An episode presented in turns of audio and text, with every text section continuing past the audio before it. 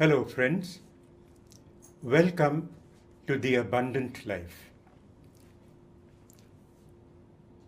We shall analyze today whether we can pray with WhatsApp forwards and messages.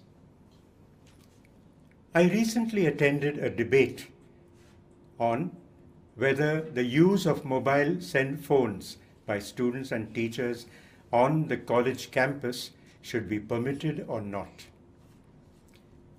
Well, interesting points, both for and against, were put forth such that the decision remained inconclusive.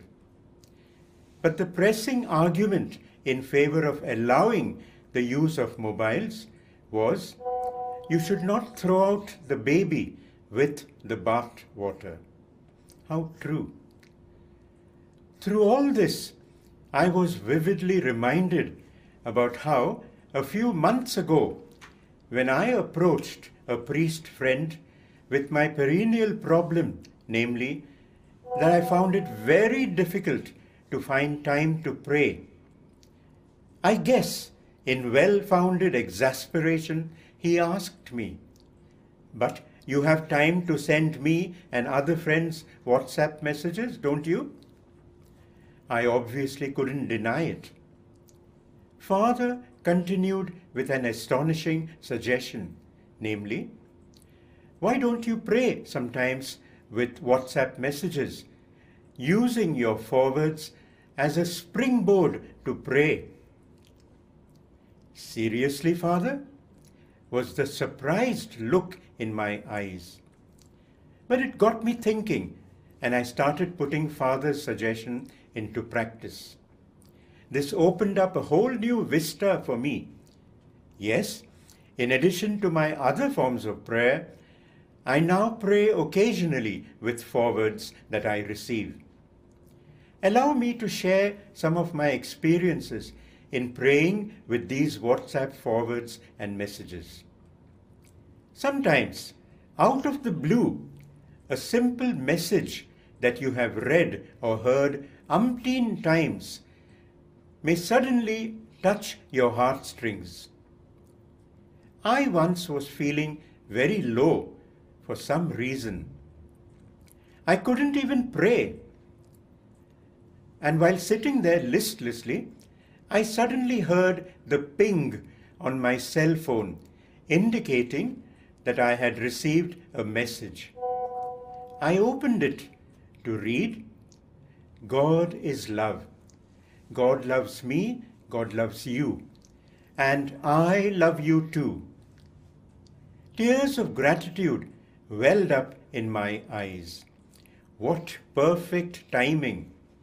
The message buoyed me up, and I was able to say a simple prayer of gratitude.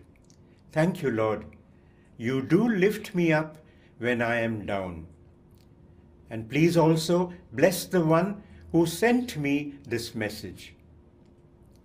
On another occasion, unpleasant memories of the hurts I had caused others and sins I had committed made me doubt God's forgiveness, despite my having confessed my sins.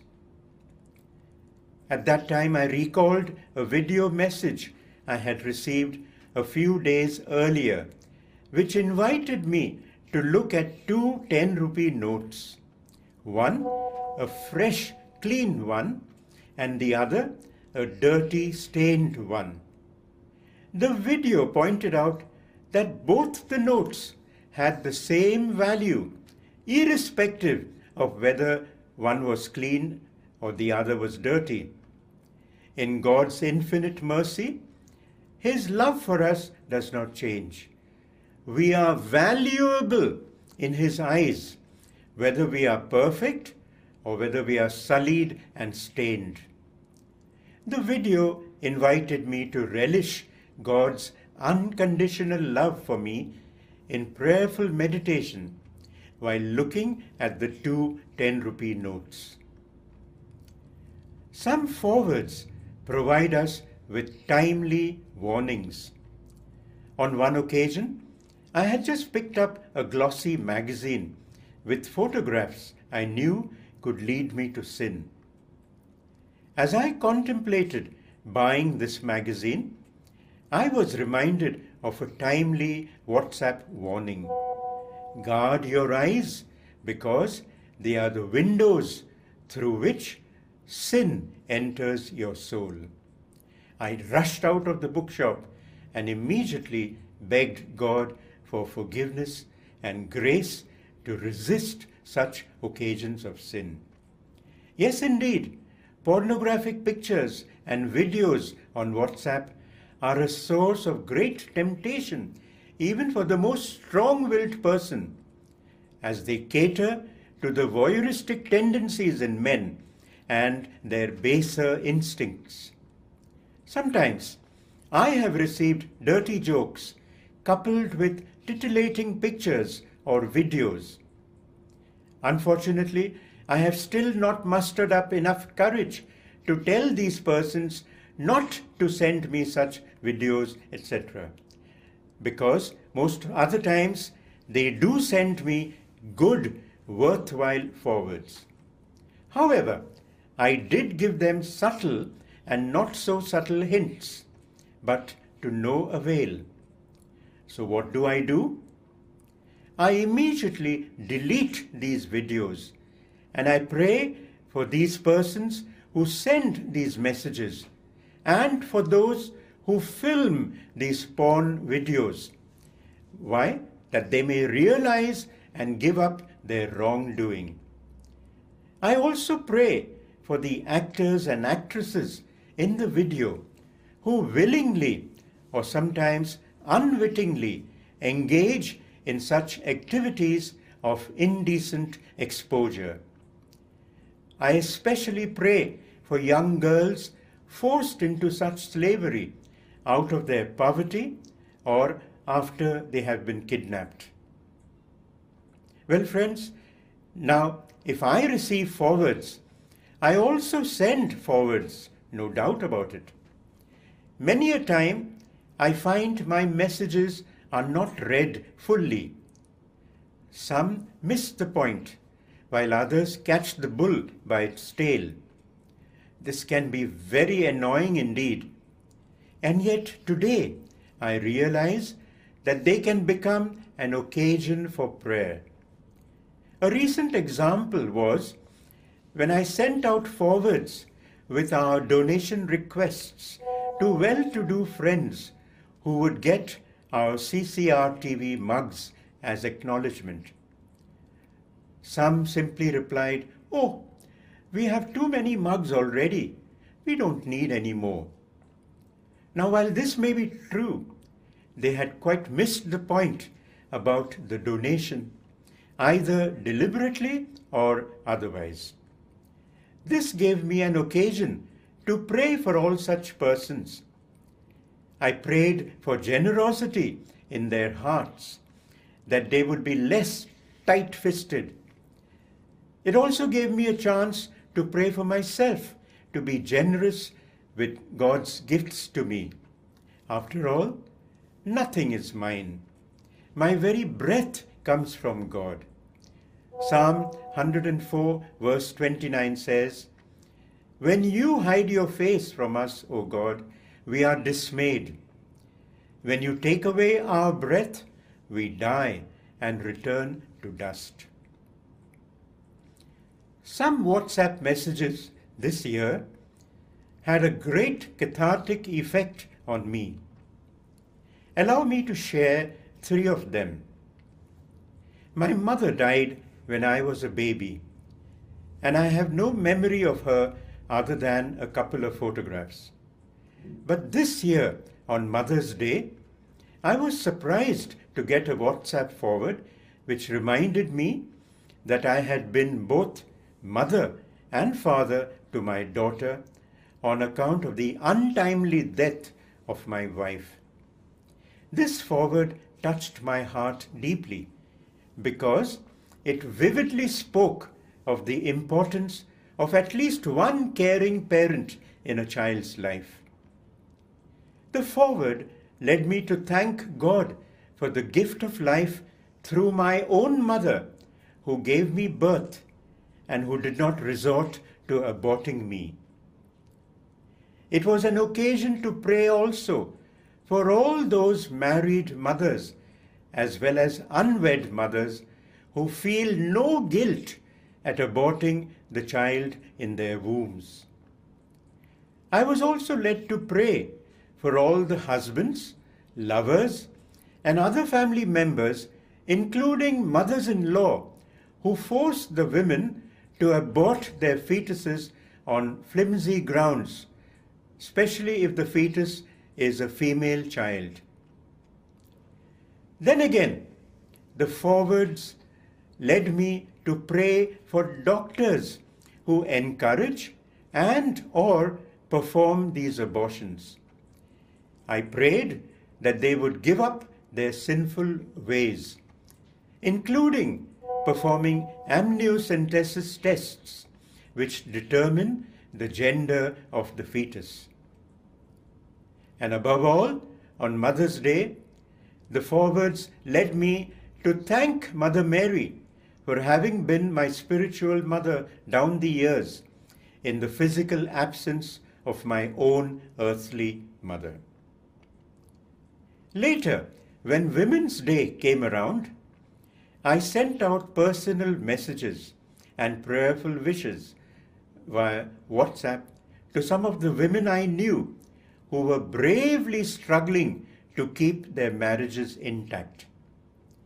Likewise, I sent out prayerful greetings to single and or widowed women and included all of them in my personal prayer that morning.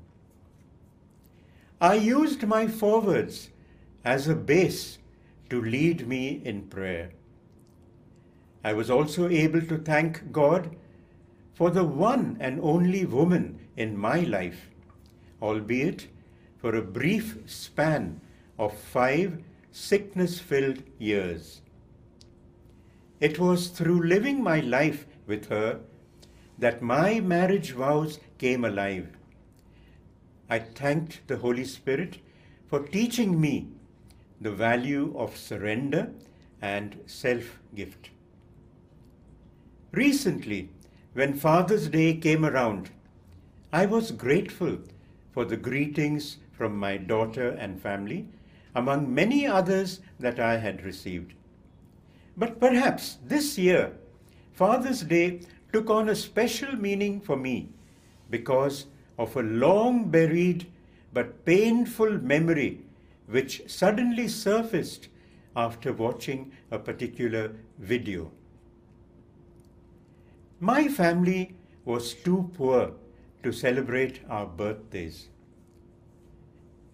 However, when I entered college, my dad bought me a costly almond icing cake for my birthday, which I did not appreciate because I did not know its worth.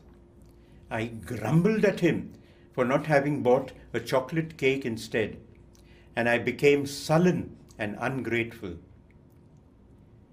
The only guest I had that day. was a nun friend who was highly appreciative of the cake. It was only then that my eyes were opened to the sacrifice that my dad had made in buying that cake, which he really could not have afforded otherwise.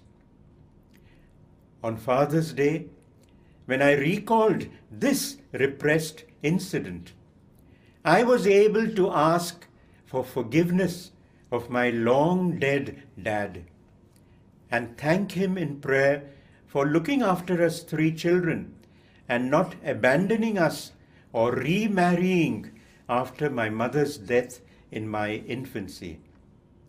I told God I couldn't have asked for a more loving dad than my earthly father.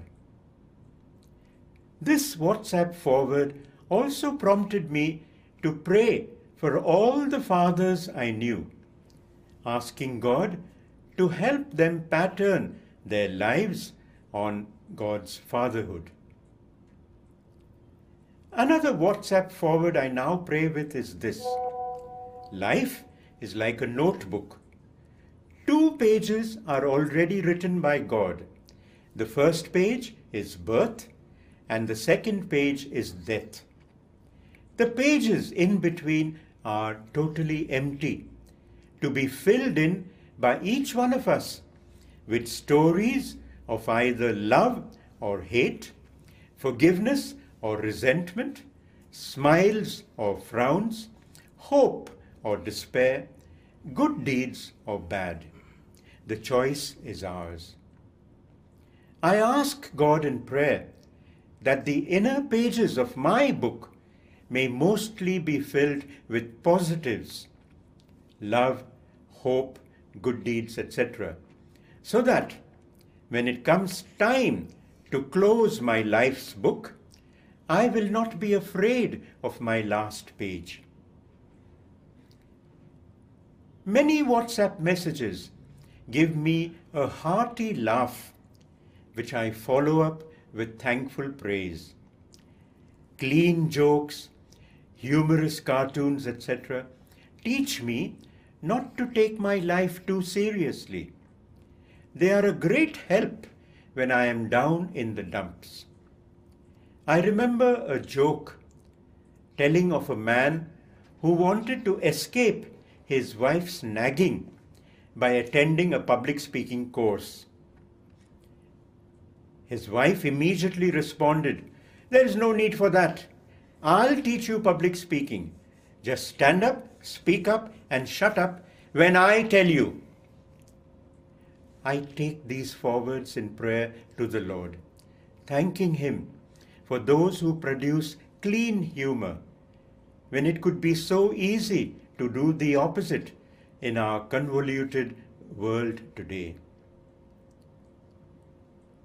Many uplifting hymns and music videos which are forwarded to me on WhatsApp become my prayer. I don't have to say any words to the Lord. The lyrics do that for me. I often go to sleep at night listening to them. I feel grateful and thankful to the Lord for such hymns and soulful music amidst the noisy, bizarre songs and music that abound today. I remember once getting into a futile argument in a private bus, which was blaring inane vulgar songs. When I requested the conductor to change the tape, strangely, some youth who heard me opposed me. Well, what could I do? I got a chance to pray for them as well. When it comes to birthdays, feasts, anniversaries of my family and friends. I prefer to send them personalized and prayerful messages. I end by wishing them a blessed day or a great year ahead, and I certainly do lift them up in prayer during the day. Many a time I receive forwards which appear to be fake or doctored news. with the intention of inciting violence and hatred. There is so much rumor mongering today. So, I generally don't respond to such WhatsApp forwards. But at the most, I tell the sender not to forward such incorrect news to any other person. Indeed, I do pray for all those persons who are at the source of these evil forwards because. They do appear to be agents of the evil one. I pray for their hearts to be changed and drawn to the truth. During Advent and Lent, I have received and prayed with or meditated upon WhatsApp messages clarifying the aspects of fasting and feasting. No doubt, I put this into practice and I take the trouble to forward such messages to my family and friends.